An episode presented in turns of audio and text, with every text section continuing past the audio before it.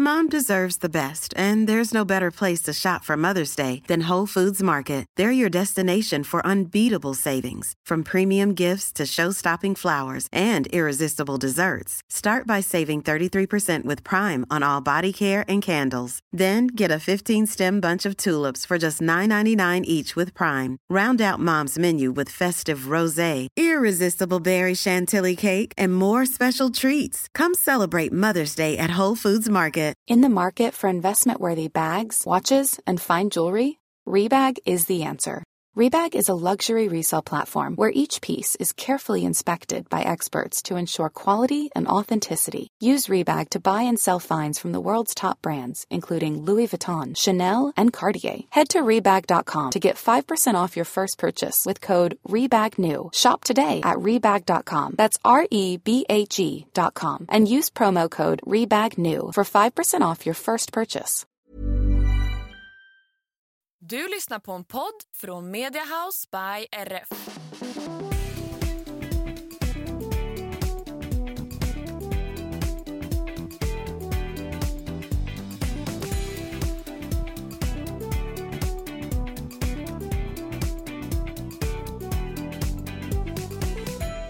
Hej på er allesammans och varmt välkomna till systrarna Älvstrands hästpodd avsnitt 196. Välkomna, jag som pratar nu heter Emma. Och jag heter Anna och det här är ju vanligtvis podden om oss och våra egna hästar.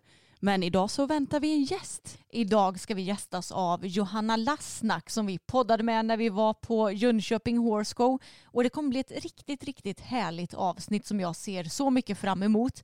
Men först Anna så ska vi ta och presentera det här avsnittets samarbetspartner. Ja men precis och det här avsnittet är i samarbete med Emma Madrass. Och du och jag har ju använt oss av Emmas Diamond, både bäddmadrass och resårmadrass i ja men ett gäng månader nu Emma. Det har vi och vi båda två har sovit så himla skönt. Och Emma Diamond är ju Emmas lite fastare madrass, vilket ju har varit väldigt bra för oss båda. Men du har ju märkt extrema förändringar i hur din rygg har känts sen du började använda Emma Diamond. Ja men jag tror inte att någon som lyssnar på den här podden har missat att jag har haft bekymmer med min ländrygg jättelänge och jag har ändå gått hos naprapat och jag har försökt att träna bort det men ingenting har funkat så jag har varit så här, ja ja det är väl så här det kommer vara resten av livet då.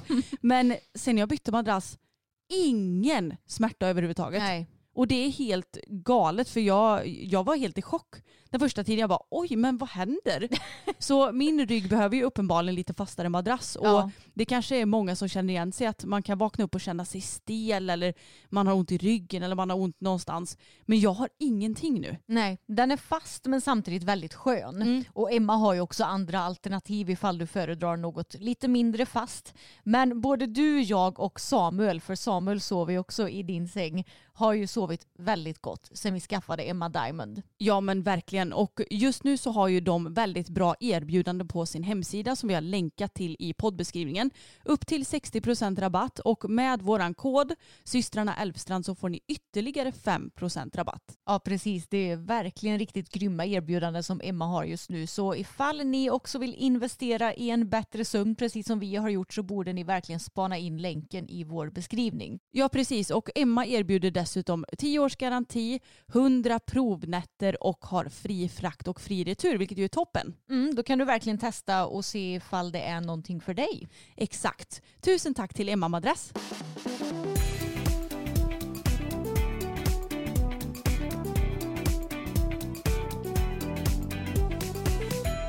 Men då ska vi ta och gå över till gästavsnittet med fina Johanna Lassnack. Och det kanske är några som inte har koll på vem Johanna Lassnack är så Emma jag tycker att du kan dra en presentation om henne.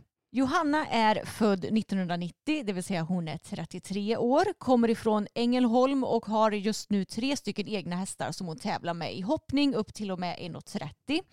Hon jobbar som mental coach, håller i föreläsningar om mental träning och styrka och jobbar även med sina sociala medier där ni kan följa henne. Och hon heter Johanna Lassnack på Instagram så jag tycker att ni ska gå in och kika på hennes profil där. Ja och dessutom så har ju hon en podcast ihop med Elsa Berggren som heter Avsuttet med Elsa och Johanna. Så den tycker jag också ni ska lyssna på för att eh, där nördar de ner sig i allt som har med hoppning och hästar att göra. Verkligen. Men ska vi ta och hälsa Johanna välkommen in nu? Ja, och då tar vi och välkomnar in Johanna Lasnak. Hej. Johanna, du är den enda av våra gäster som har egen podd. Ja. Vill jag minnas Anna. Så Jag säger inte fel nu va? Nej, det tror jag inte. Nej, du är den enda poddaren, alltså nuvarande poddaren som gästar vår podd. Så du är ju rutinerad. Ja men lite. Men Ja. ändå att man när man är med i någon annans podd så känner man sig ändå ohemma på något sätt. Ja, för att man, det är lite nytt liksom. Ja. Och det, ja, jag känner ju er så jag är trygg med er. Ja. Men eh, det är jättekul att jag blev inbjuden hit. Ja, det är så kul att vi kunde få med dig. Och vi hade ju gärna velat ha med Elsa också, men det, det är svårt att få ihop det för ni bor ju i Skåne, vi bor på Slätta och nu är Får jag bara fråga, för jag har Ja. hört er säga Ja. slätta. Alltså heter det slätta där ni bor? Nej. Eller säger ni, är det så vi bor på slätten, vi bor på, liksom, på åkern? Ja, precis. Men alltså, anledningen till att man säger slätta eller slätten det är för att det är så platt där vi bor. Mycket åkrar och sådär. Inte så Så- mycket skog Nej, och sånt. Så man Ah. säger västgötaslätta. Slätta. Och slätta det är ju så här västgötska. Då har jag fått svar på det för jag har tänkt på många gånger. Jag bara antingen är det ett uttryck eller så heter det det där de bor. Det bara så här, vad är det där slätta för någonting? Åh gud vad Ja, det är kul. så kul. Men vi får se, vi kanske kör en hel så här podd-collab systrarna Elfstrand och Elsa och Johanna någon annan gång. Ja, och vi vill ju också bjuda in er. Ja. Vi skulle ju som sagt, Elsa skulle ju egentligen, vi sitter ju på Elmia nu. Ja. Elsa skulle ju egentligen hit och sen så skulle vi inte och sen skulle vi, så det blir ju ganska spontant. Ja. Men eh, det hade varit kul alla fyra att göra en podd. Det hade varit gång. jättekul. Och du har ju ridit en dag nu på Elmia. Mm. Hur kändes det?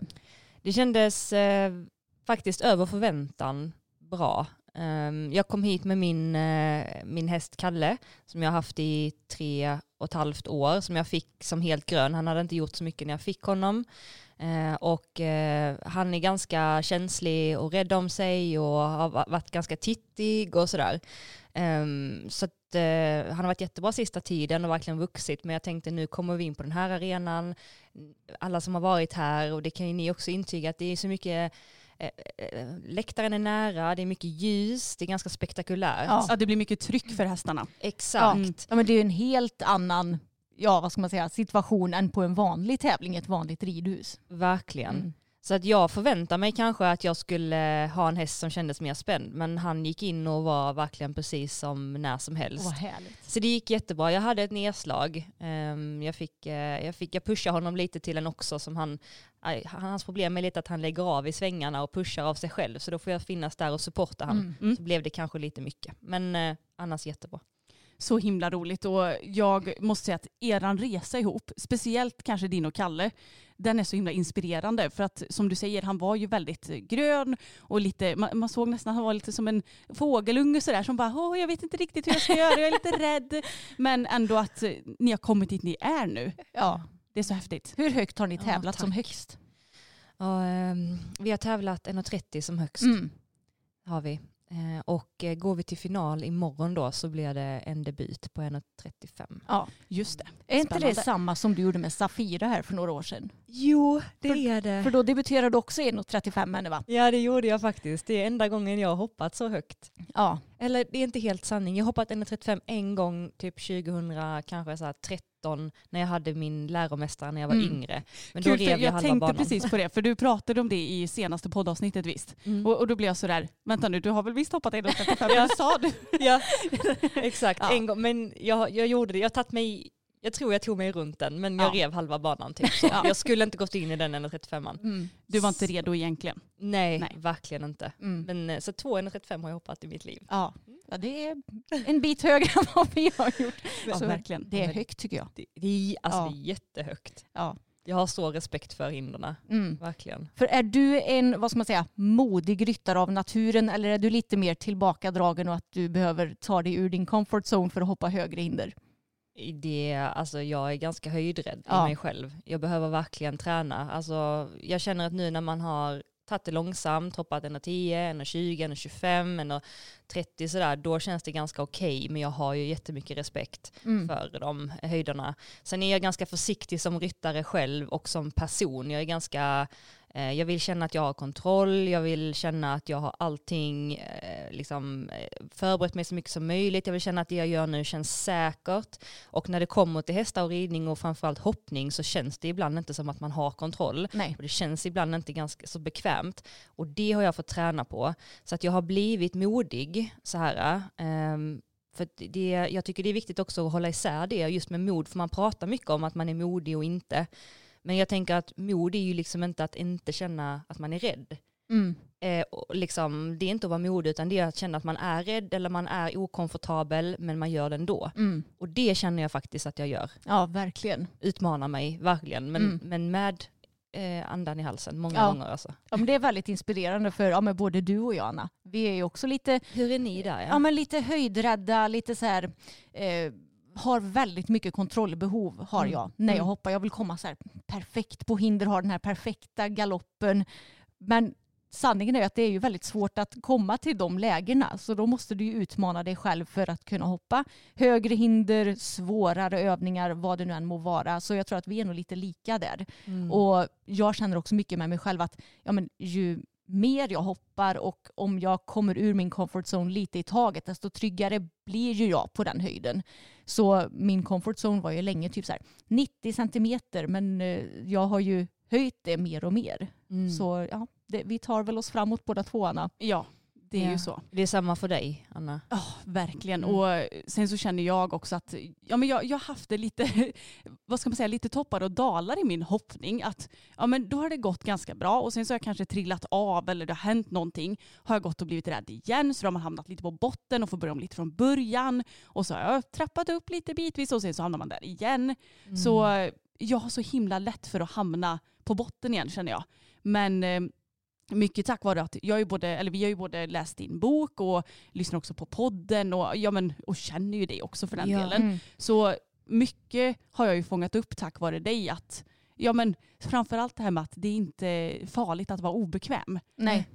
Har du det? Vad glad jag blev. Ja. Ja. Fint. Jag Det tycker kom- ni är jätteinspirerande. För ni är verkligen det man ser och det ni lägger ut. Det är verkligen att ni, ni bjuder på er själva, ni bjuder på när ni känner er osäkra, när ni inte lyckas med någonting, men också ni visar verkligen när ni är glada, när ni lyckas med någonting. Alltså ni är väldigt eh, autentiska och det är väldigt inspirerande så att man ser verkligen att ni vill framåt och ni gör vad ni kan med era förutsättningar för att ta er framåt.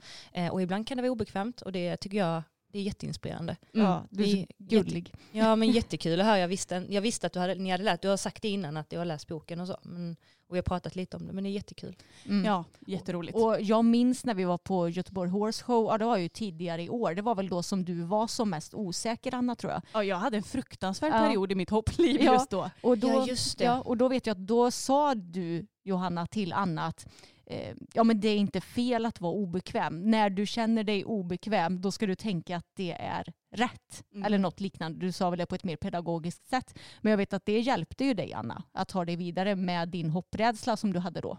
Ja, jättemycket. Oj, vad fint. Ser, ser ni mina ögon nu? Jag är tårögd. Vad fint. Va, Ja. Men hur går det nu då? Eller hur liksom? Jo men just nu så är jag väl inne lite i, inte en, en svacka rent så, men eh, Emmas Bella som jag har hoppat ganska mycket på för att få upp självförtroendet igen. Hon är, hon är som en bulldozer. Hon skulle Mm. nog inte banga för någonting. På kanske lite lagom höjd då givetvis. Ja. Men hon står skadad just nu tyvärr. Eh, Och min egen, han, han är väldigt känslig och har varit utbränd som hopphäst. Jag köpte honom, kunde han inte hoppa över ett enda hinder och just nu är han inne i en... ja, jag det är fokus du pratar Ja det är fokus ja. Jag, jag vet inte om han har hamnat i någon form av mental krasch eller någonting. För ehm, han eh, ville helt plötsligt inte hoppa ett enda hinder med mig. Ehm, eller ja, med, Med, någon med dig eller? Ja precis, med vem? inte bara dig utan... Nej jag har i och för sig inte provat med någon annan på ryggen. Men, ehm, Men det brukar vara så att fokus han vill hoppa med Anna. Det går bra med någon annan ett tag men sen så bara nej. Och sen hoppar Anna upp och då bara ja jag kan hoppa igen. Så det är så här, han, han har valt dig. han har Anna. valt eh, Anna Det och litar så. på dig Anna. Mm. Så just nu så hoppar jag inte så mycket då. Men det är ju inte på grund av att jag är rädd eller så. Utan jag känner ändå någonstans att jag har eh, ja, men ganska gott självförtroende just nu. Mm. Så det känns ändå skönt. Mm. För eh, jag tycker ju fortfarande att det är väldigt jobbigt. Det är jobbigt att känna sig rädd och det är jobbigt att känna sig dålig också. För det gör jag ju när jag inte är inne riktigt i hoppandet på riktigt så. Mm. Såklart, det gör man ju. Mm. Jag märker också det att alla känslor jag har som redan är obekväma eller lite åt det rädda hållet blir ju ännu värre när man inte får göra det. Ja, Alltså Mm. vecka in och vecka ut och sådär. Jag hade lite tävlingsuppehåll nu med Kalle Eh, innan Elmia eller sådär ehm, och hade liksom kom från en ganska kontinuerlig vår och sommarsäsong där jag hade ja, men, tävlingar ganska konsekvent och det gör ju att man känner sig självsäker. Och sen då så skulle jag ha lite paus nu innan, man behöver också återhämtning, man vill göra massa tävlingar men man behöver också återhämta så att man får ju liksom försöka göra vad man kan och tror kan vara bra. Men då kände jag att gud nu har inte jag tävlat honom på ett tag.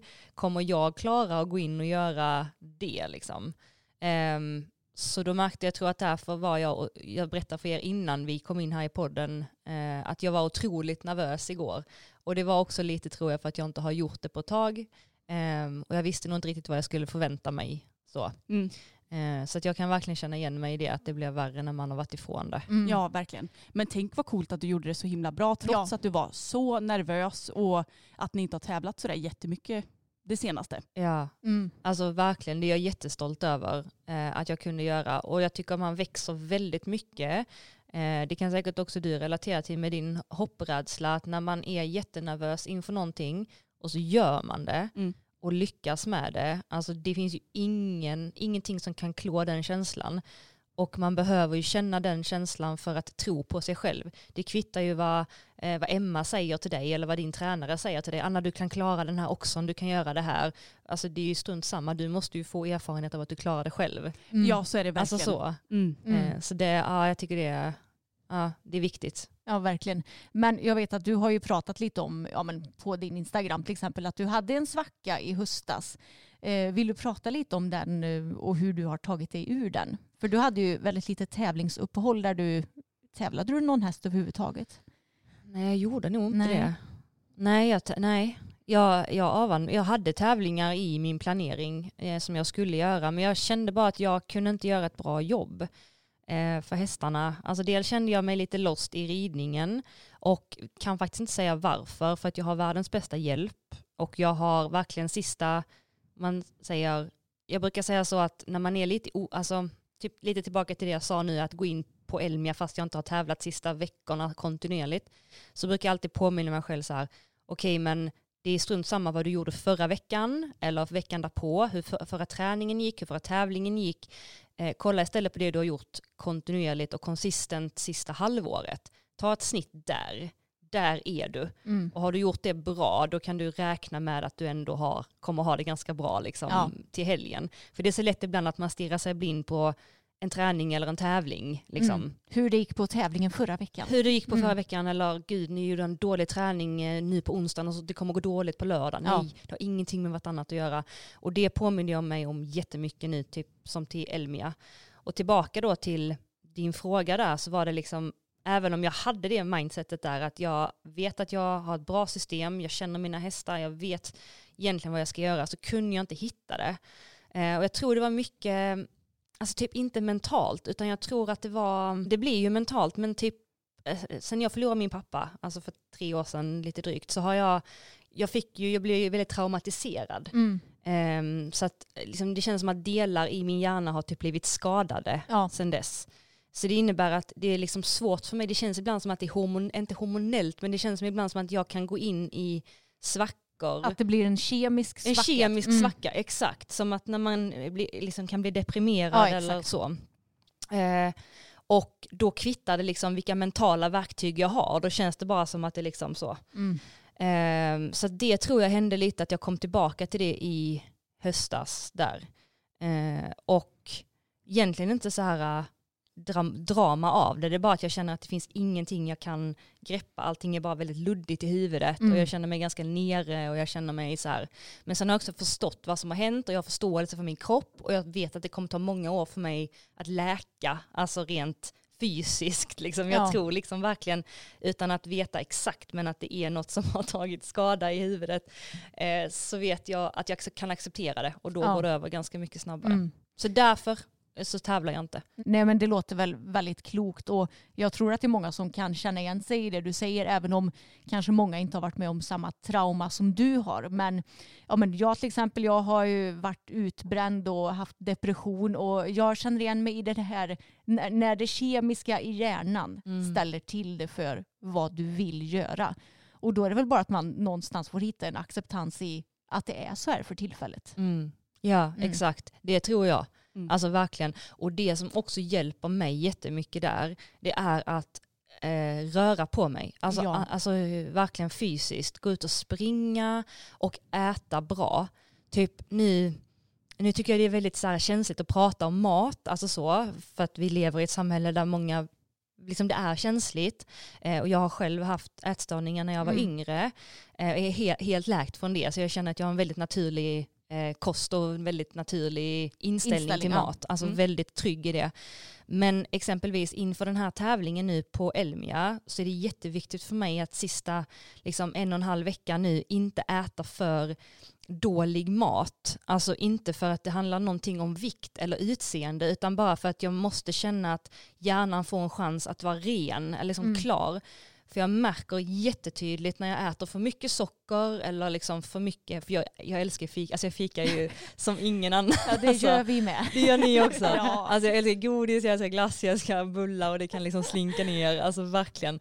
Men jag märker att det blir mycket svårare för mig att fokusera, Mm. lättare att bli okoncentrerad eh, och jag blir mycket långsammare när jag tänker, får svårare att sova, blir så seg på morgonen när jag går upp, Mm. omotiverad. Så, Mm. så att tillbaka till när jag känner den här att det är kemiskt, liksom jag känner mig nere och borta, då så här, hjälper fysisk aktivitet Ja. och att försöka äta bra mat, alltså mycket mat, men Ja. liksom bra mat, inte Precis. för mycket socker liksom. Nej, känner igen mig så mycket. Ja, Gör jag det? Ja, Ja, ja. Men alltså kost och träning det påverkar ju ja, men det kemiska i hjärnan och hur du känner dig och mår i din kropp så himla mycket. Ja, verkligen. Mm. Det, ja, det gör det verkligen. Men eh, som sagt, man får ju ha en balans med allting. Alltså, jag Ja. tror ju inte på att liksom, ha förbud och sådär. Det skulle jag aldrig vilja ha. Nej. Jag uppmanar inte någon att ha det överhuvudtaget. Men man ska också veta att det påverkar en ju. Ja, alltså, och- så. Så här, vi är ju ändå idrottare, vi Mm. ryttare, även om vi, många kanske inte tänker eller ser på oss ryttare som idrottare. Men Mm. för att vi ska kunna prestera så bra som möjligt så måste vi ju också kanske träna avsuttet, tänka på vad vi äter precis som vilken annan idrottare som helst. Mm. För det är ju inte bara hästen som gör jobbet, det är ju vi också. Gud, nej, det är så Mm. jobbigt att rida. ja, det är det verkligen. Ja. Men ni är ju jätteduktiga på, alltså för ni tränar ju väldigt kontinuerligt båda Ja. två va? Mm. ja, vi gillar ju styrketräning. Mm. Det där med konditionsträning, inte lika mycket. Inte lika mycket. Nej, det, har- det, har, varit här i perioder. Men Klipp till för en halvtimme sen när Anna kommer, eller när Emma kommer in. alltså, du det här är den mesta konditionsträningen jag har fått på länge. Du var inte så, Anna var inte så andfådd men Emma. Nej jag Ja, skojar. ja, alltså, jag sprang. Det, jag har inte sprungit så snabbt på länge. Nej, men alltså när man både är stressad och springer, alltså man blir ju så andfådd. Ja, verkligen. Och det Men- märker jag också att när jag till exempel hoppat en bana på tävling, Ja. jag blir aldrig så andfådd som då. För att det är som Mm. att både adrenalin och ansträngning kommer ur så man bara håller typ på och smäller av efter en Mm. runda. Jag Men andas du under? Vet du om du andas Ja, det under? gör jag. Det gör du? Mm. För det har jag också tänkt lite tack vare dig, att man måste lägga in punkter där man tänker på att man verkligen andas. Ja. Ja. Och jag gör det alltid innan, tar ett djupt andetag innan jag fattar galopp och rider iväg och sådana saker. Så jag glömmer inte att andas för då hade jag nog svimmat. Ja, det tror jag också. ja, men det gör man ju lätt. Jag, Ja. jag vet förr när jag var yngre och kom ut från banan, alltså jag var på riktigt på väg att svimma. Jag var liksom helt, jag svimmade aldrig men jag kände att jag blev yr i huvudet så lite jag andades. Mm. Ja. Jag var helt, eh, alltså, och helt skakig i hela kroppen liksom, och munnen helt torr och det var, Ja. det är ju för att man slutar andas. ja, precis. Så det är jättebra faktiskt att Mm. lägga in sådana andningspauser. Mm. Mm. Johanna, jag måste fråga Mm. dig, kommer du ihåg när vi träffades för första gången eller i vilket sammanhang vi träffades? Jag tror det. Ja. Alltså om det är första gången. Ja. Nu mitt minne har också blivit lite skadat sista tre åren där. Men eh, det var på GOS va? Mm. När vi Yes. spelade in en sketch. Ja, alltså det var så kul. Ja, det, det, var än, det var ännu lite tidigare än det, men det kanske var samma år. Men När vi, podd, när vi spelade in YouTube. Nej, Nej okej vänta. Ja. det var på GHS. Jag tror att det kan ha varit samma år som vi spelade in den här sketchen. ja jag vet nu, jag Ja. vet. Jag vet nu, jag vet, jag vet, jag vet, jag Ja. vet. Och, vi var ju på någon typ rundvandring eller vad var det för något? Men det var ju någon, alltså inte min stora dag, men det var ju det någon... var väl, för, var det, hette Friends? Eller var det Min stora eller var det Friends? Det var, Ja, Friends kanske det var. Det- alltså det den här var- organisationen. ja, det var någon sån, vad ska man säga, välgörenhetsgrej. Ja. Kan man väl ändå säga som Just vi var det. på. Och alltså, jag vet du skickade lite frågor som eh, era följare hade haft inför det här poddavsnittet. Ja. Och jag vill bara, du frågade, de hade frågat om jag hade några pinsamma situationer. Som det. Och jag, när jag tänker tillbaka på det så skäms jag ihjäl.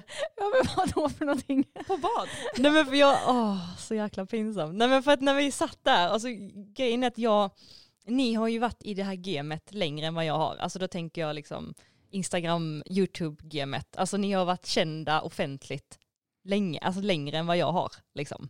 Kanske lite. Jag skulle precis säga, har vi verkligen det? Jo men ni hade det och eh, när jag, alltså jag vet inte vilket år var det här. typ 2017 tror jag kanske. Ja, Sex, 16 eller 17 ja, kanske. sex, sju år sedan. Ja det är så länge Mm. sedan. Ja. Men, eh, nej men då vet jag att vi satt vid ett bord och då skulle vi alltså, presentera varandra. Jag kommer inte ihåg vad vi sa men det var som att jag liksom, när jag, alltså jag borde vetat vem ni var. alltså så och eh, jag gjorde inte det. Så att jag, present, jag frågade hej eller vad gör ni eller var det inte något sånt? Jo men säkert. vi pra- ja, och sen så efter vet jag, jag har inte sagt det men efteråt så, um, så förstod jag ju alltså, vilka ni var. Och då kände jag mig så jäkla dum att jag inte hade koll på det. Alltså för att det var så pinsamt eh, tyckte jag. Så på tal om pinsamt så skäms jag fortfarande. Nej, det behöver du inte göra. Så här, jag, jag tror du säkert kände likadant, men vi tar i alla fall inte för givet att folk ska veta vilka vi är. Nej men ni var ju då, alltså ni, alltså ni är de som har hållit på längst. Ja, vi har hållit på länge, speciellt med typ, ja men först började vi ju blogga och sen så blev det ju YouTube. Så vi har ju ändå hållit på med det ett tag. Men jag vet att på den här tiden, då var ju du, du var ju inte känd som Johanna Lassnack på den här tiden. Du var ju känd för att du hade ryttarinspiration. Ja. Din sida på, ja men det var väl både Facebook och Instagram. Ja, det var mest Mm. Facebook Ja. första åren där. Ja precis. Det var väl på den tiden som Facebook var lite större. Det, Ja, det var mycket sociala- mer inne. ja, sociala medier det ändras ju så här hela tiden. Ja. Men håller du på någonting med det? Nej, Nej. jag gör inte det Nej. längre faktiskt. Eh, det är typ två år sedan tror jag Mm. som jag slutade Ja. så, med det. Eh, för att satsa mycket mer på mitt eget alltså varumärke. Dels fanns det Mm. inte tid och sen så vill jag ju satsa mycket mer på mig som alltså person när det kom till hästarna och Mm. alltså sporten och då blir det ju mer naturligt att man skapar ett varumärke utifrån sig själv snarare Ja. än ett företag. Liksom. Verkligen. Men med all ödmjukhet inför ryttarinspiration, för ryttarinspiration ni har ju liksom, alltså det är jättemånga som, som, som fortfarande kopplar ihop mig med det och ryttarinspiration har ju format mig. Jag har ju vuxit genom ryttarinspiration och tillsammans med ryttarinspiration så jag är jätte liksom, ödmjuk inför vad det har gett Mm. mig. Liksom. Men för de som har börjat följa dig på senare år, kan inte du berätta vad ryttarinspiration var för någonting? Då ska vi se, back in the days så fanns det en... Nej men jag startade Ryttarinspiration 2013 så det är ju tio år sedan. Eh, och eh, det var egentligen för att jag där och då kände att det fanns liksom ingen sida som pratade om eh, liksom mental träning eller det fanns liksom heller inte, det var också så här generellt att man pratade inte så mycket om det mentala tyckte jag i ridsporten så Mm. mycket som jag hade önskat att man gjorde. Och jag hade haft jättestora svårigheter med mig själv sedan jag var ung, alltså med nervositet och jämförde mig mycket med mig själv och hade utmaningar. Och men när jag började jobba med mig själv, alltså bara rent, inte professionellt, utan bara väldigt, var väldigt nyfiken, läste böcker, gick på föreläsningar och sådär, så växte jag väldigt mycket som person och också ryttare, så jag fick väldigt mycket hjälp. Och då slog det mig, det var ju tidigare än 2013, men så här, gud, men varför jobbar inte alla ryttare med sig själv? Liksom, det här måste ju alla ta del av. Och då vet jag att jag startade Ryttarinspiration där för att bara börja plantera in den mentala träningen i ryttare så att säga. Så det Mm. började med att jag bara började lägga upp lite citat och dela det Ja. sådär. Eh, och sen så tror jag att jag började lägga upp lite texter utifrån mig själv, bara berättade om min historia och mina erfarenheter och sådär. Och sen, och jag kommer inte ihåg vilken ordning det var, men sen så började jag göra lite sketcher. ja, just det. Ja. Och då, det har De var så roliga. Ja men de var faktiskt roliga, Ja. det var jättekul att Mm. göra det. Eh, och de eh, blev ju verkligen en eh, höjdare, alltså Mm. de stack ju verkligen iväg. Eh, så då växte Ryttarinspiration ganska mycket i samband Ja. med det. Och sen så, ja på den vägen var det. Sen började jag föreläsa där. Jag tror jag hade min första föreläsning 2015 Mm. Ja, oktober, ja, ganska exakt 2015. Mm. Och där hade jag börjat utbilda mig lite i slutet av februari 2014. Så att under tiden som jag började föreläsa så jobbade jag ju med mig själv och utbildade mig själv samtidigt. Under det året bara. Och sen ut efter det 2016 tror jag så började jag också jobba eh, mentalt liksom individuellt, alltså Mm. med ryttare. Var det då som du hade dina första, vad ska man säga, säger man coachelever? Eller vad? Ja, klienter. klienter, ja. Ja, 2016 tror jag, 2017. Gud jag har så dåligt minne. Men ja, ja. Och sen, eh, ja, sen så jobbar jag på med det i några år och sen nu då för två år sedan så börjar jag avveckla det lite grann. Mm. Precis. Eh, Men du jobbar fortfarande med det, bara kanske i lite mindre skala eller? Jag jobbar mer med det nu. tror Du jobbar jag. mer med det nu? Ja, alltså det, det jag gör mindre nu är väl kanske föreläsningar. Ja. För det, det tar ganska mycket tid Mm. eh, att göra så att jag har sagt att jag vill ha max två i månaden. Ja. Eh, och ibland kan det bli tre, speciellt så här på höst och, och vår, för då Mm. är det som mest eh, tryck på det. Man Mm. vill ju ofta ha i, när man kommer tillbaka från sommaren Mm. eller efter vintern och sådär.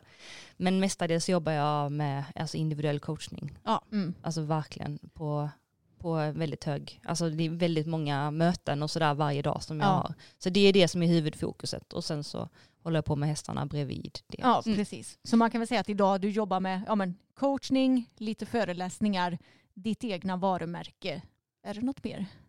Ehm, Jag tänkte säga det är väldigt... eh, nej, jag, ja, pod, det är ju podden, Ja, i så podden fall. också. Just det, Det podden. är podden. Och sen, eh, ja så gjorde jag ju boken då. Ja. Eh, för Ja, vad blir det två, ja, alltså ni hör, jag blir Ja, så alltså, du- osäker när det kommer till år. Jag känner du, har eller du hinner göra så mycket känns det som. Du är en sån mångsysslare så jag fattar knappt hur du hinner med allt. Nej jag vet inte heller. Men Nej. jag tror det var två år sedan. 20, ja, ett, ja 20, 2021 jag boken det, släpptes. det kan ja. det nog vara.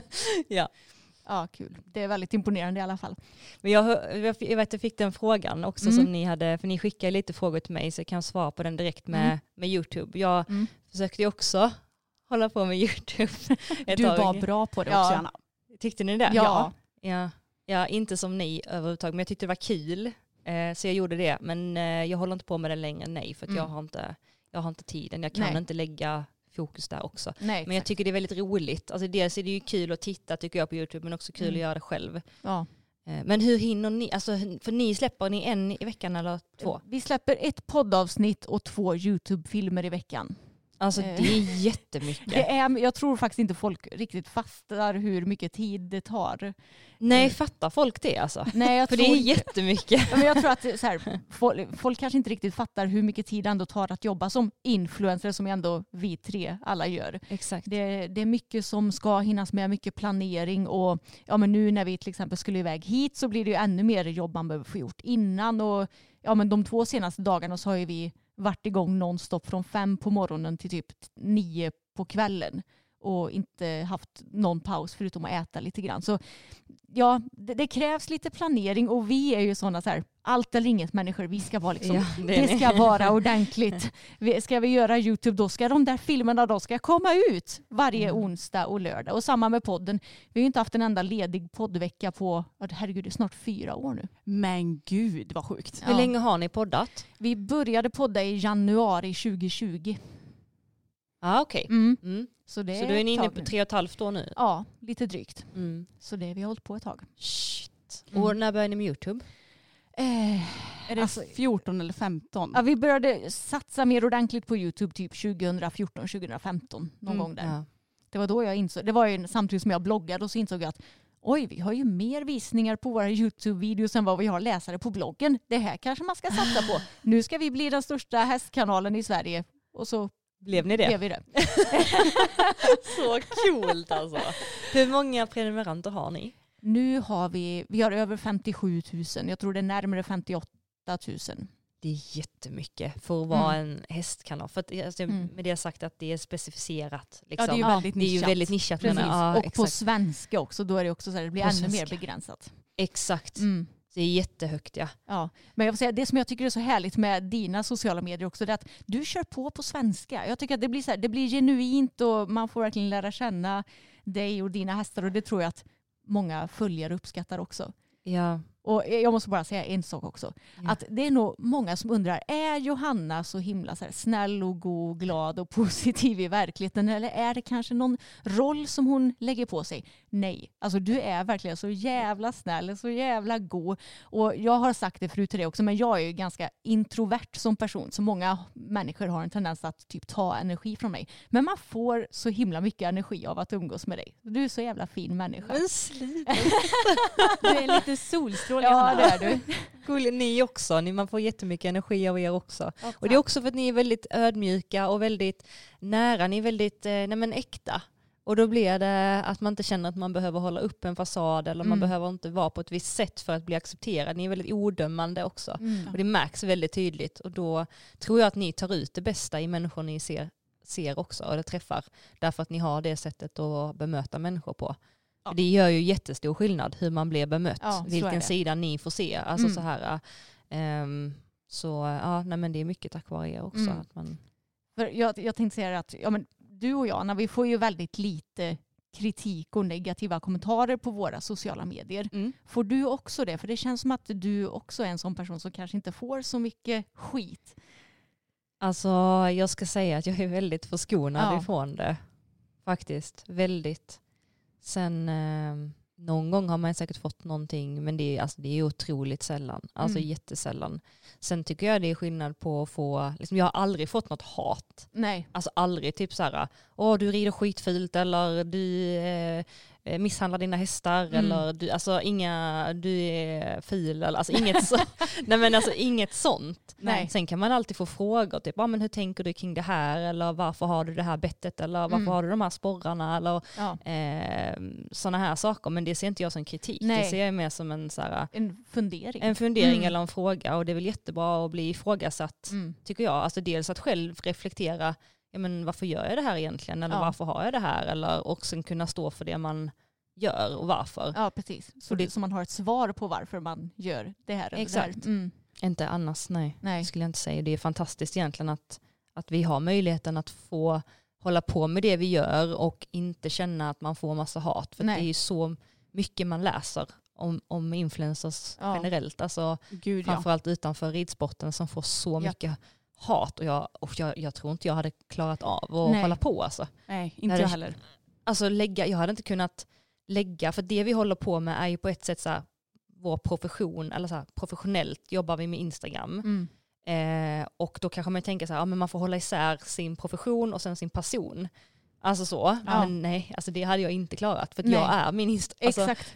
Ja men exakt, Eller- jag känner att alla vi tre är ju ändå väldigt personliga vi på våra det. sociala Ja, medier. exakt. Så hade någon hackat på min Instagram då hackar de ju på mig. Exakt. så Då hackar de ju på privatpersonen Anna. Ja, exakt. Exakt, och även då om inte de vet allt om dig, för att du, du delar ju inte allt heller. Även Nej. om ni är ett exempel på att dela otroligt mycket Mm. eh, och vara så äkta som möjligt, dela med er så mycket som möjligt av allt, så är det ändå en liten del av ert liv man ser ju. Ja. Alltså så man har ju inte hela bilden ändå. Nej. Alltså så. Eh, så det är väldigt lätt tycker jag att, kritisera människor, alltså för att man bara ser en liten del. ja, Alltså så. precis.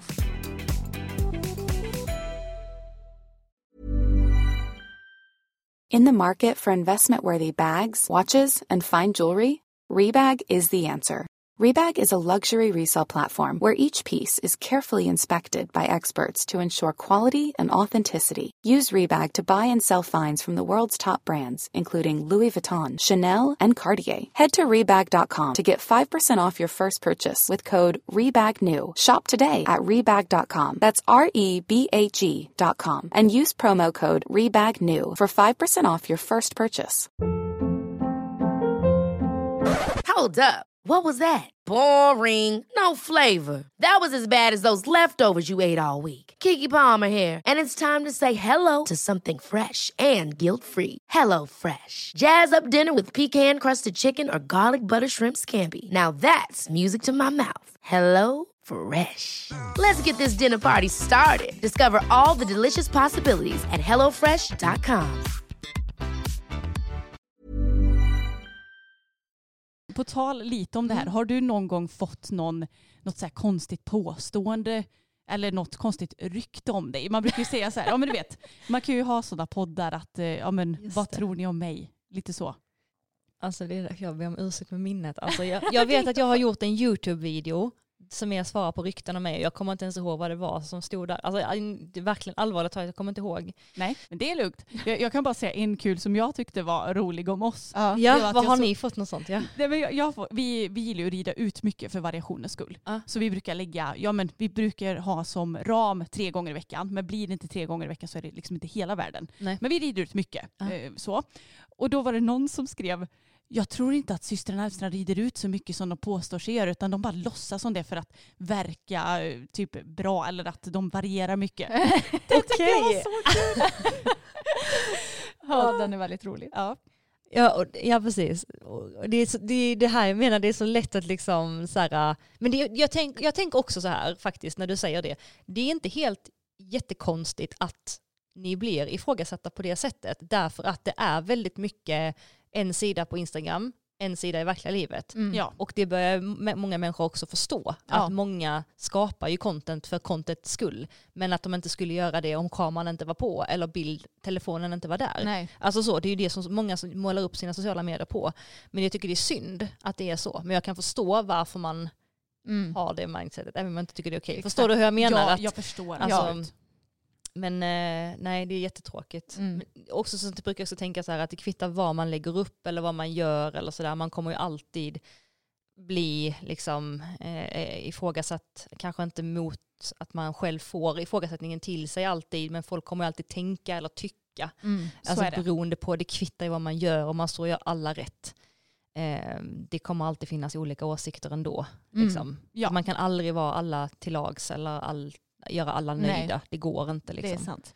Men finns det någonting som du inte delar med dig av på sociala medier? Eller vad, har du någon liksom så regel för dig själv att det här lägger jag ut och det här lägger jag inte ut på mina sociala medier? Inte uttalat så, men om jag tänker efter så lägger jag inte upp så mycket på Andreas, alltså Nej. min sambo, för att han vill inte synas.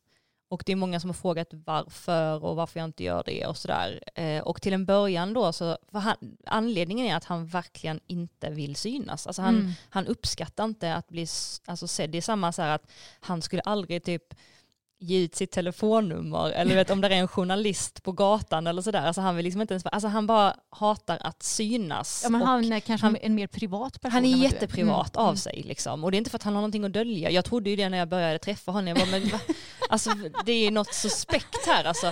Vet, han finns inte på eh, liksom, Instagram, han finns inte på Facebook. När jag googlar hans namn får jag knappt upp honom. Alltså, Vem är den här killen? Jag bara, han har något liksom kriminellt förflutet ja. eller så.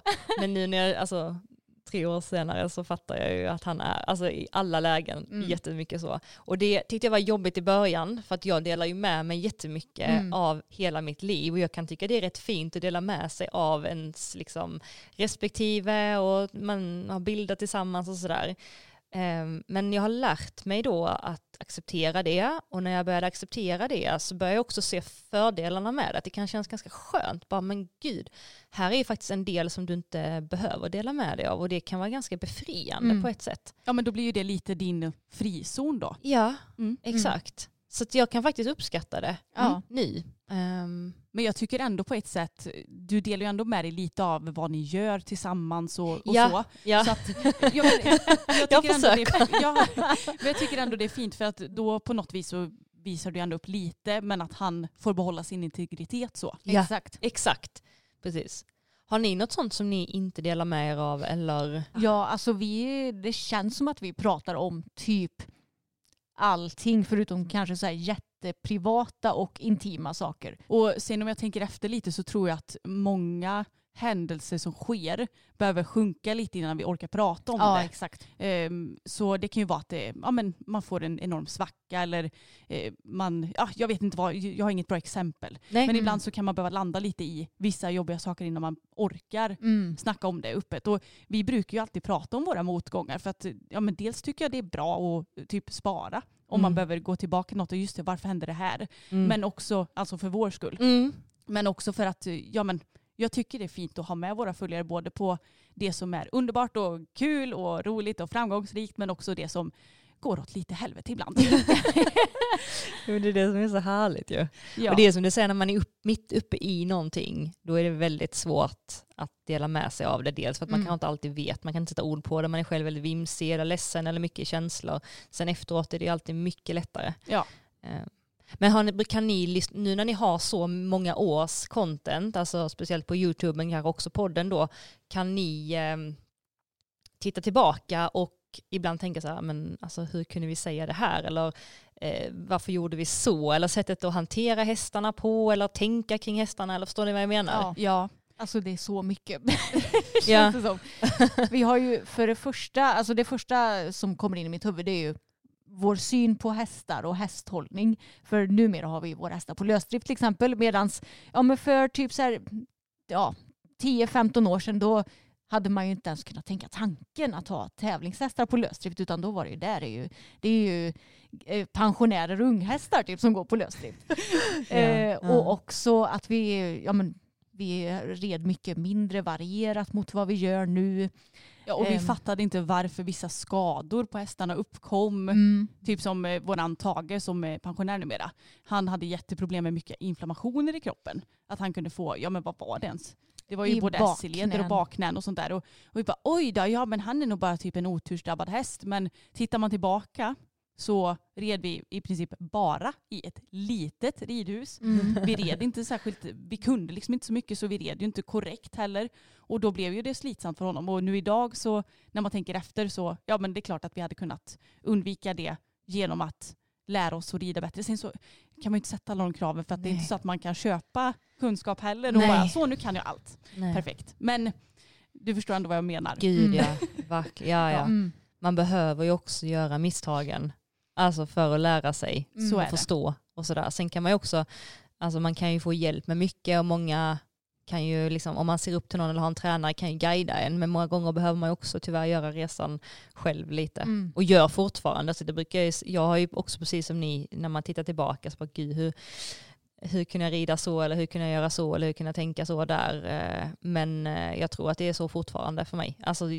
det jag gör nu kommer säkert kanske vara jättekonstigt för mig om 15 år. Ja, alltså. Så eller så här, varför gjorde du inte sådär eller varför tänkte du inte där? Alltså man lär sig hela livet. Ja. Ja. Men jag tyckte att en så himla rolig fråga som vi fick det var hur tänker ni på att Johanna rider med skarpare bett än vad ni gör? Och jag tror att eh, många kanske tror att eh, du och jag Anna, att vi är dömande mot andra för att de kanske rider på något annat vis eller gör något annat än vad vi gör. Men jag menar det handlar ju om personliga preferenser. Jag personligen gillar inte att rida med för skarpt bett. Dels för att mm, Ja, men du känner ju inte dig bekväm med det själv. Nej, jag känner mig inte bekväm med det själv och sen kanske jag inte tycker att det behövs heller och sen så känner jag att ska jag rida på något skarpt bett, speciellt om man hoppar, så vill jag ha alltså, en bra balans så jag vet att jag inte råkar göra någonting som gör att Ja. hästen får ont eller att man eh, stör den på något vis. Men Mm. däremot så jag tycker inte det är något konstigt att andra rider på skarpare bett för de har ju säkert en anledning till att göra det, Mm. tänker jag. Mm. Ja, jag såg också den frågan. Ja. Ja. Jo, men det, alltså, jag, så tänker jag också. Jag, eh, jag, alltså, man är ju som du säger, man är olika som ryttare. Alltså, Mm. Visst, ju skarpare bett, ju skarpare sporre, alltså ju skarpare av allt, desto mindre hjälper måste man ju kunna ge. Man kan ju inte ha en hård hand med ett skarpt bett. Eller Nej. liksom, du vet så här, man, man, kan ju, man måste ju vara väldigt försiktig och det där är samma för mig, att jag kan ju känna mig jätteobekväm med ett bett som är alltså för skarpt på hästen. Alltså det vill ju inte jag heller rida med, Nej. utan jag vill rida med ett bett. Eh, jag rider ju ganska mycket alltså hemma varierat på olika vanliga trendspett fast med olika mundelar och lite olika kanske bettringar, någon lös, någon D-ring, ibland tvådelat, ibland tredelat, ibland med någon liten tungfrihet, alltså vanliga bett men i olika så. Och sen när jag tävlar så har jag, eh, typ som Kalle har delat pelham, men Mm. också ett ett pelham, ja, alltså det, är, det är ganska oskarpt egentligen. Jag Ja. får nästan honom lite mer hängig på det än om jag skulle kasta in ett eh, smalt tredelat. Då skulle jag få honom mycket mer, alltså, Ostabil eller? ja men lite mer att han går ifrån bettet. Ja, Mm. Här gillar han att hänga lite mer på bettet. Ja men du får det här förstår. suget fram till Exakt. handen. Mm. Ehm, så att jag känner att han är väldigt självsäker och bra där. Ehm, men man är ju man är olika vad man gillar att rida med. Jag tror bara att det, vad jag tänker på när jag ser bett är att jag klarar inte att se dels när man har bett i munnen på hästarna där man ser att hästarna är obekväma med det. Alltså så att de tar illa vid sig Mm. eh, eller liksom inte verkar tillfreds med det. Eller om man ser en ryttare som har ett bett som inte borde ha det bettet för att man ser att det här är alldeles för skarpt. Du kan liksom inte med dina hjälper hantera det. Nej. Och det menar inte jag döma någon alls utan mer bara att man är ju i olika nivåer. Alltså, Exakt. när man är när man inte har ridit så länge, alltså det kräver ganska mycket kroppskontroll. Mm. Sådär, att man, som du säger, att ha ett tränspett är lite lättare att ta en lite för hård förhållning Mm. eller ha sådär utan att störa hästen. Men jag gillar inte när man inte kan hantera ett bett liksom, på Precis. hästens bekostnad. Och Nej. det har ingenting att göra med att man är dålig ryttare, vill jag bara poängtera. Nej. Utan mer så. Eller frågan var inte till mig, men det var ju vad ni tyckte. Ja men det är så här, Men, en eh, liten diskussion. Ja, det är exakt. intressant. Ja, ja, jag tycker det är väldigt intressant. Så här, min, eh, inte min största mardröm, men en så här, vad ska man säga, ick som jag har, det är att jag hoppar, jag rider på ett för skarpt bett och jag tar en halvvalt som går igenom för mycket så att hästen blir liksom för tillbakadragen Stoppa istället. lite ja, typ. istället för att få ett sug fram. Och jag har sällan upplevt det själv, men däremot har jag ju sett det när man har tittat på kanske lite olika träningar, till exempel där man säger att oj, där har den ryttaren ett väldigt skarpt bett på den hästen och det ser inte ut som att det skulle behövas. Så i sådana lägen kanske jag hade önskat att tränaren hade sagt till ryttaren Mm. för att det kanske inte har sett supertrevligt ut. Och samma, jag skulle inte sätta mig och rida på ett kandar. Dels för att det är eh, ja, men ett skarpt bett och sen också för att det är dubbla tyglar. Alltså, herregud, Framförallt. Framförallt, man har ju fullt sjå bara hålla liksom koll på en tygel. Då ska man en till som man ska... Nej usch.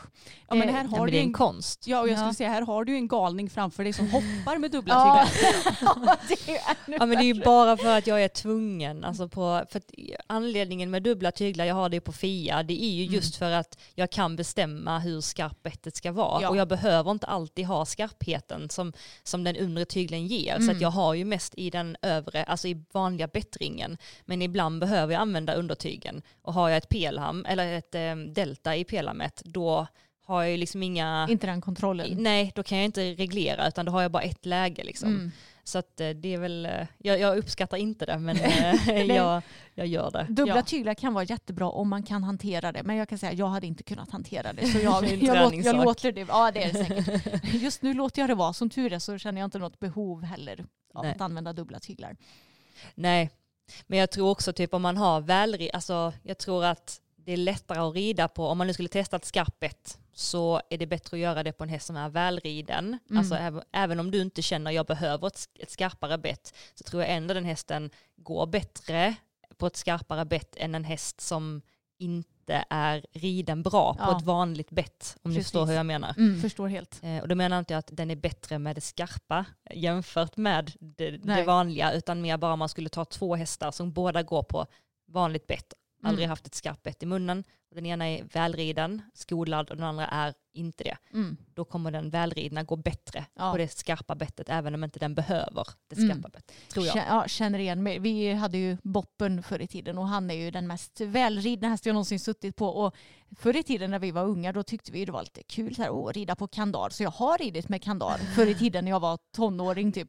Och Boppen gick ju jättebra på kandar trots att han egentligen inte behövde det. Men han var ju som du säger väldigt välriden och är osäker på om han egentligen hade gått direkt på kandar tidigare. Innan Ja det vi- vet vi inte. Nej, men, men det gick ju jättebra. ja, jag kan tänka det. Ja, så det, det är en konst i sig kan man säga. Ja. Mm. Eh, Ni, vilket år är ni födda? 90, 91. 91 Och 93. till 93? Ja. Mm. Så, och jag är född 90 så vi är Mm. typ jämngamla ju. Ja. Mm. Eh, red, tävlade ni ponny eller? Nej. Vi gjorde aldrig det. Ni gjorde aldrig det? Nej, pappa var ju så himla intresserad av hästar också, eller är fortfarande. Eh, Så att eh, han ville ju att vi skulle köpa en stor så han också kunde rida. Mm. Såklart. Ja, så när jag var 11 och Emma var 13 så köpte vi en stor häst. 11 och 13, Ja. det var ganska ungt. Ja, det var, det Ja. var rätt sunt. Och med facit i hand för vår del så hade det kanske varit bättre om vi hade fått en ponny rent för vår så här, självförtroende och ridutveckling. Ja, och höjdmässigt också. Jag menar Mm. när man skulle ut och tävla då, det var väl 90 centimeter minst eller? ja så det fanns Ja, det typ, var nog 90 minst. ja, det fanns i princip inga 80-klasser back in the day. Så den hästen som vi köpte han var jätte, jättesnäll men han var tittig så han ville gärna titta på varje hinder innan han hoppade. Det funkar ju inte riktigt på tävling. Nej och Så. framförallt inte med den kunskapen vi Nej, inte besatt då. Liksom. exakt. Hade vi fått en sån häst idag hade det kanske gått. Mm. Men inte då. Men hur eh, hade du det? Eh, nej men, eh, jag skulle komma när vi pratade om bett Ja, och mm. du pratade om att ni hade ett kan- kandar där på Ja. er häst och sådär. Alltså på min tid på ponny, då var det ju liksom inne att ha ett pelham i munnen. Alltså det var Aha. liksom, du skulle ha alltså typ ett, ett stort pelham och du skulle gärna ha en kedja som skramlade. Och du skulle liksom ha en förbygel där det var liksom remmar och det var ludd och det var fluff och du skulle gärna skramla lite grann när du kom. Liksom, du vet, så här. Alltså, Du, jag jag, var, känner igen det så mycket Gör nu. du det? Ja. Ja. För även om vi inte har tävlat ponny så har vi varit på mycket ponnytävlingar. ja. Och det var så även i Västra Mm. Götaland kan jag säga. Alltså, alltså vad, är, vad var det liksom? Varför var det ingen vuxen som sa till? Alltså, nej men jag vet inte, men det var verkligen så här att ju mer desto bättre typ, Oh ja. eller coolare framförallt. Ja, för det känns som att det ändå har gått lite åt motsatta hållet nu när vi har blivit äldre. I alla fall på stora sidan så tycker jag inte alls att det känns som att ju mer utrustning du har desto bättre är du. Nej, Utan typ nu är det, tvärtom. ja, nu är det mycket mer less så is more. avskalat. Ja, Ja. Men det är ändå lite härlig eh, trend tycker jag. Ja. Men tänk ändå vad kul att det var ju verkligen en trend då mm. och att det kunde sprida sig utan några sociala medier. Eller ja, det är klart lite fanns Ja, väl. Men inte i den utsträckningen som finns idag. Nej. Men tycker ni att det finns några trender just nu? När det kommer till någon specifik utrustning eller så? Oj vad bra. Ja, det var bara Ja, något jag kom att tänka på. Ja. Om vi tittar tillbaka så här om 15 år, vi bara, ah men 2023 då var det det där. Mm. Just det, så kan man tänka ja. Mm. Vi är ju ganska olika, alltså för ni är väldigt duktiga på att använda färger. Mm. Alltså så, ni har ju väldigt så här, alltid väldigt färgglatt och fint och ni är liksom inte rädda för färg. Jag är ju jätterädd för färg. alltså jag är ju så tråkig, jag är, så, jag är ganska klassisk av Du mig. gillar svart. Ja, svart, marinblått och så Mm. ska det vara vitt när det är tävling. Ja. Liksom. Inte något annat. Nej. Och så liksom kavajen väldigt så här, sof- allting ska Mm. vara sofistikerat. Det är ju Ehm, väldigt snyggt ska tilläggas. Jo Ja. men det är fint, men det kan det är ju fint med färg också. Ja. Alltså så. Det men eh, trend just nu. Alltså jag tycker typ inte det finns någon specifik trend. För jag tycker Nej. det är så många olika färger om man tittar typ på vilka ridkläder man kan köpa. De, här, de traditionella färgerna som svart, marinblått och brunt typ, de kommer ju alltid finnas. Ja. Men jag kan inte mm, komma på att jag tycker att det känns som att det finns någon specifik trend med utrustning du har på häst respektive på dig själv som ryttare. Känns som att tidigare år har det varit mycket mer, det var ju så himla modernt med typ röd kavaj ett Ja. tag till exempel. Och Exakt. pullarnosgrimma var ju också Just- väldigt just modernt för ja, Mm. ett antal år sedan. Eh, Men nu känns det som att det, det är väldigt blandat tycker Ja. jag. Ja, men om jag funderar lite så känns det ju som att nu har det kommit mycket färger som inte är klara men som inte heller bara är så svart eller blå. Typ som lite olivaktigt färgade kavajer och lite sånt känns som att det ändå Mm. är lite trendigt. Ja exakt. Mm. Ja. Och sen också, ja men precis, och sen också, jag vet inte hur det är uppe hos er, men här nere är det ju lite eh, att man också tävlar mindre och mindre i vita ridbyxor. Ja. Ja. Nu har också Elsa flyttat ner så hon drar väl med sig.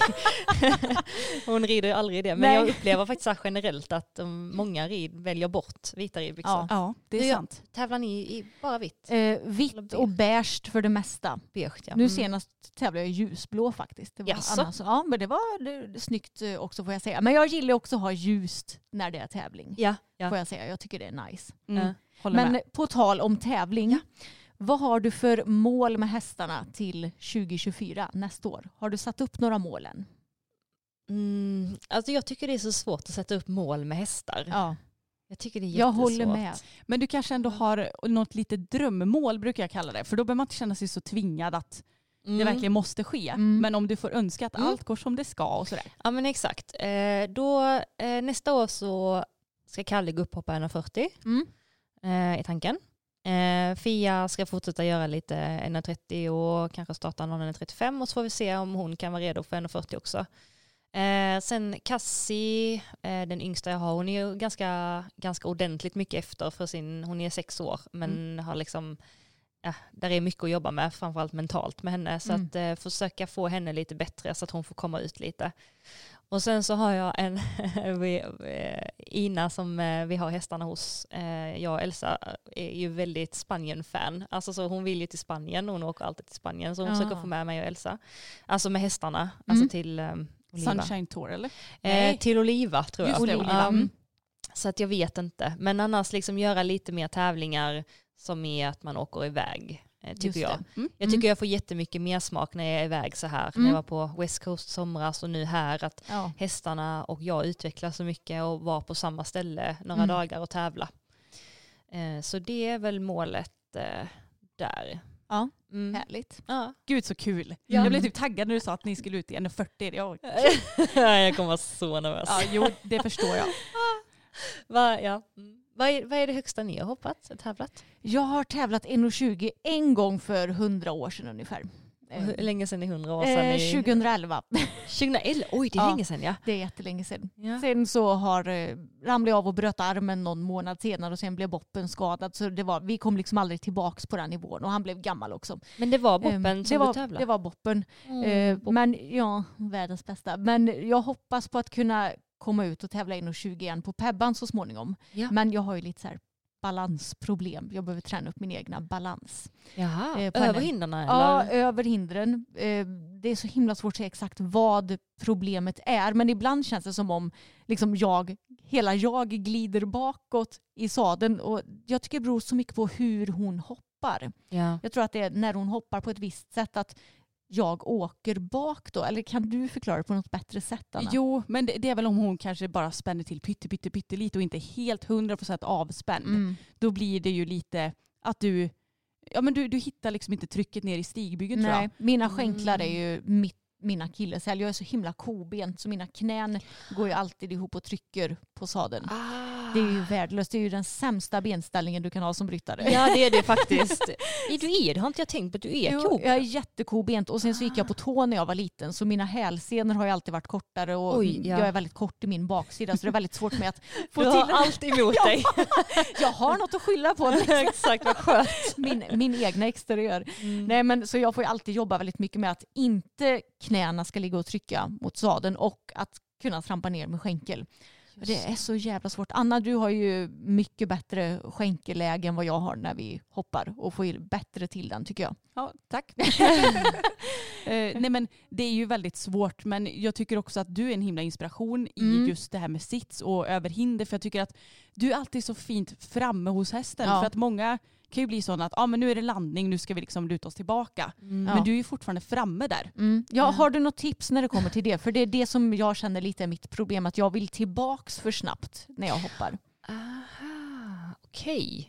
Eh, då skulle jag nog säga att eh, tänka att handen ska vara i manen även i landningen. Alltså att man, Mm. man söker liksom handen mot manen. Ja, så att du fattar. känner att du, alltså nu, nu kanske nu ska, när hästen landar så vill man ju inte lägga för mycket vikt på framdelen. För Mm. man vill ju också vara lite upprätt så att man inte lägger trycket där. Men nu hoppar ju inte du, alltså du hoppar ju, vad hoppar du, en meter? Ja, en meter typ. Ja, Mm. det är ju inga höga, Nej. alltså det är inte mycket tryck i landningen Mm. om du skulle hoppa typ 1,30-1,40, alltså Mm. så ju. Så att, att tänka att du verkligen ska ta vikten Mm. med handen i manen så att Mm. du tar stöten i manen om du förstår vad jag Mhm. menar. Ja, jag fattar precis. Så att om du överdriver det lite och tänker att Mm. du kanske ska vara lite överdrivet ehm, Framåt. framåt Mm. så kanske du hittar. För du Ja. måste också hitta sättet själv att eh, tycka att det är bekvämt. Mm. Men utforska där. Väldigt Kanske. intressant att du liksom nämner det här med handen. För jag har ju tänkt så jävla mycket på min skänkel nu. Ja. Men nu när du säger det så kommer jag ju på att när jag landar, det blir ju automatiskt så att handen åker ju bak också i landningen. Men om jag då tänker att handen ska vara Mm. kvar där framme, då kanske det blir automatiskt att ja, men både min överkropp och min skänkel, Mm. att jag får till det hela bättre. Ja, kanske. Mm. Alltså faktiskt intressant. Det kanske Ja. är så. Jag upplever ju också att det är jättemycket lättare att sitta över ett hinder när hästen tar dig till hinderna Oh ja. än om du har en, en häst som inte tar dig över, alltså du Mm. vet så här, har eh, Ja. trycket själv eller så. Ja. När, det, när det blir tomt, språnget, Japp. Mm. då är det jättesvårt. Då Mm. kan inte jag heller... Nej, det, det är Sitta. väldigt sant. Ja, men du, du får helt enkelt tänka att händerna väger så här 30 kilo eller någonting. Ja, och liksom att du landar på händerna själv. Mm, Alltså, att du, alltså att du tänk att du har mer tryck i handen än i stigbygeln. Bara för, det är ju inte, ska du inte ha i slutändan, men bara Mm. för att testa skifta fokus. Mm. Eh, det tycker nog jag. Sen bruk, jag vet inte vad jag gör riktigt, men jag försöker liksom tänka att inte hälarna ska vara ner bara, utan att själva underbenet Mm. ska vara den som går fram också. Inte Mm. bara hälarna om du förstår vad jag menar. Nej, Mm. jag fattar. Alltså lite så. Mm. Ja men typ tänka lite stolsits eller? Alltså tänka lite stolsits ja. Mm. Och då måste du också för att kunna hålla balansen så måste du ju vinkla bäcknet. Alltså du måste ju, höftböjaren måste ju gå ihop för att Mm. du ska kunna gå fram med överlivet Ja. och behålla tyngden där nere. Mm. Så det kan man ju också testa. Mm. Och höftböjaren går ihop, då tänker du att du ska typ räta ut din svank eller? Alltså Ehm, inte svanka utan tvärtom. eh, Jag ska tänka... eh, Jag jag tänker nog, du får vara bättre, du, om jag visar dig här så kan du Mm. förklara för poddlyssnarna. Om det här är liksom, här är överkroppen Mm. eh, och här, nu blir det fel för dig, det, det, det är från mitt håll. eh, och så är benen här liksom. Och så här, här är höftböjaren liksom. Mm. För att du ska kunna hoppa och gå fram med överlivet så måste ju rumpan bak lite. Mm. Mm. Alltså så, för att du ska hitta balansen. Och då Ja, måste du exakt. ju vinkla. Men om du är för rak här så, kan, du- så, kommer du ju liksom inte kunna vara nära hästen. Nej. Så att, att för att vara nära hästen så eh, svanka lite åt svanka hållet men inte, inte, inte svanka utan istället böja höften. Ja. Ja, Anna, som, som när man gör raka marklyft. ja men exakt. Mm.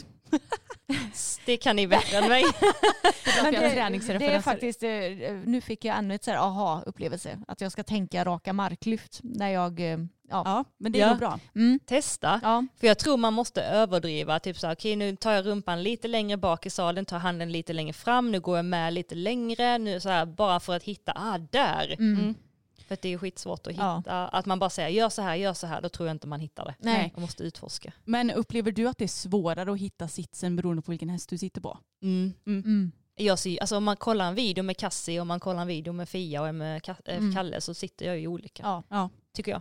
ja, men det, det tycker är det jag så också. för er också? Ja, det tycker jag. Och jag tycker som du säger att det syns tydligt på dig att du sitter olika. Ja. Sen så tycker jag inte att det ser sämre ut på någon häst, men det, är ändå så här, det, det visar ändå ganska mycket att hästar är olika och du kan inte få exakt samma sits på alla hästar. Nej. Nej och samma med tygellängd och så. Typ Ja. Fia har jag längre tyglar på. Hon har ju mycket längre hals än vad Kalle har. Mm. Hon tar halsen mycket längre fram, alltså över hindret. Har jag för korta tyglar så kan jag ju liksom inte, alltså jag är för kort för att liksom följa med henne. Så för att kunna vara följsam måste jag ha lite längre tyglar. Mm. Kalle kan jag ha mycket kortare på, Cassie kan jag ha ännu kortare på om jag Ja. vill. Alltså så, så att jag tror också att man behöver anpassa sig lite efter Precis. hästarna. Det tror jag också. Eh, Men det är ett jätteintressant ämne faktiskt. Ja. För det här med sitsen är ju det, är det viktigaste. Alltså. Ja. Att vara i balans. Och jag vet, jag har ju liksom hållit på med min sits, jag vet inte hur länge, för jag har verkligen känt att jag har inte balans på hästen. Och när man inte har balans på hästen så kan man ju inte inverka. Nej. Och du kan inte göra det självsäkert för du är så uppe med att hålla dig kvar. Liksom. Exakt. Och då är det jätteläskigt. Mm. Speciellt liksom när man ska rida ett högre tempo, när man ska hoppa och så ska man vara snabb till nästa hinder. När man känner liksom att wow, jag är inte fast. Liksom. Mm. Så Precis. Att, eh, ja, Mm. mm, det är viktigt. Ja. Alltså jag tror att vi hade kunnat podda i typ fem timmar till. Ungefär. Ja. Men vi får ta och avrunda för idag. Ja, Ja. Johanna ska iväg. Och, Ja. Så vi har inte riktigt hunnit ta upp alla frågor som vi fick in. Men stort tack till er som har ställt frågor. Och det känns som att det här poddavsnittet det blev väldigt så här, mycket mer spontant än vad det brukar bli när vi har gäster. För det Är här- det så? Ja, för vi brukar vara väldigt så här, strukturerade. Att nu ska vi prata om det här och det här. Nu blev det lite mer spontant. Ja, Jag det tyckte var, det var mysigt. härligt. Jag tyckte det var jättemysigt. Ja, Lite catch up också. Exakt. Mm. Vi kanske får chans att podda igen och Ja. då har vi ju de frågorna också. Kan Jag man ta hoppas på det. Och då Precis. hoppas vi att Elsa kan vara med Ja. i podden också. Exakt, Mm. det borde vi kunna få till. Ja. Alltså, vi ses ju lite ibland på hästtävlingar och så, Exakt. alltså större. Och, Vi får se till att komma till GOS. ja men dit ska vi ju Ja. såklart. Yay. Bra. Men då kan vi spela in i vår podd också. Ja, Ja, det kan vi göra. Men då Så kan vi ni- köra. Vi, vi ska vara där hela helgen. Så. Ja, ja det har vi ni redan bestämt.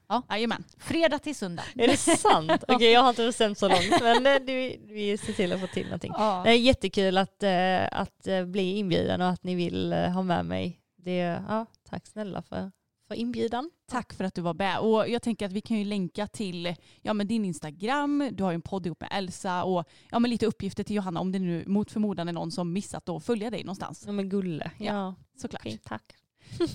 Tack för idag. Tack för idag. Hejdå. Hejdå.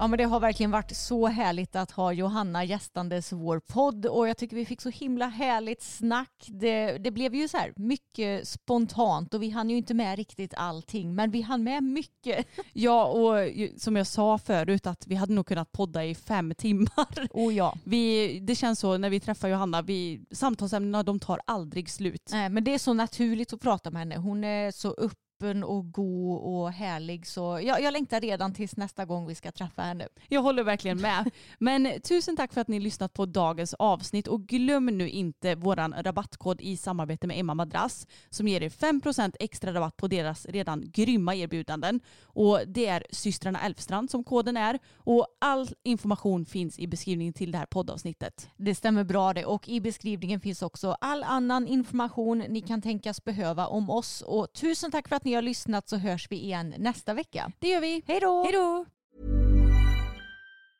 Mom deserves the best, and there's no better place to shop for Mother's Day than Whole Foods Market. They're your destination for unbeatable savings, from premium gifts to show-stopping flowers and irresistible desserts. Start by saving 33% with Prime on all body care and candles. Then get a 15-stem bunch of tulips for just $9.99 each with Prime. Round out Mom's menu with festive rosé, irresistible berry chantilly cake, and more special treats. Come celebrate Mother's Day at Whole Foods Market. Ever catch yourself eating the same flavorless dinner three days in a row?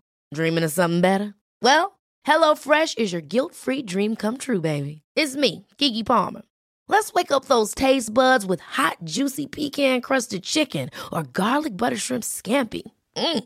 Hello Fresh. Stop dreaming of all the delicious possibilities and dig in at HelloFresh.com. Let's get this dinner party started.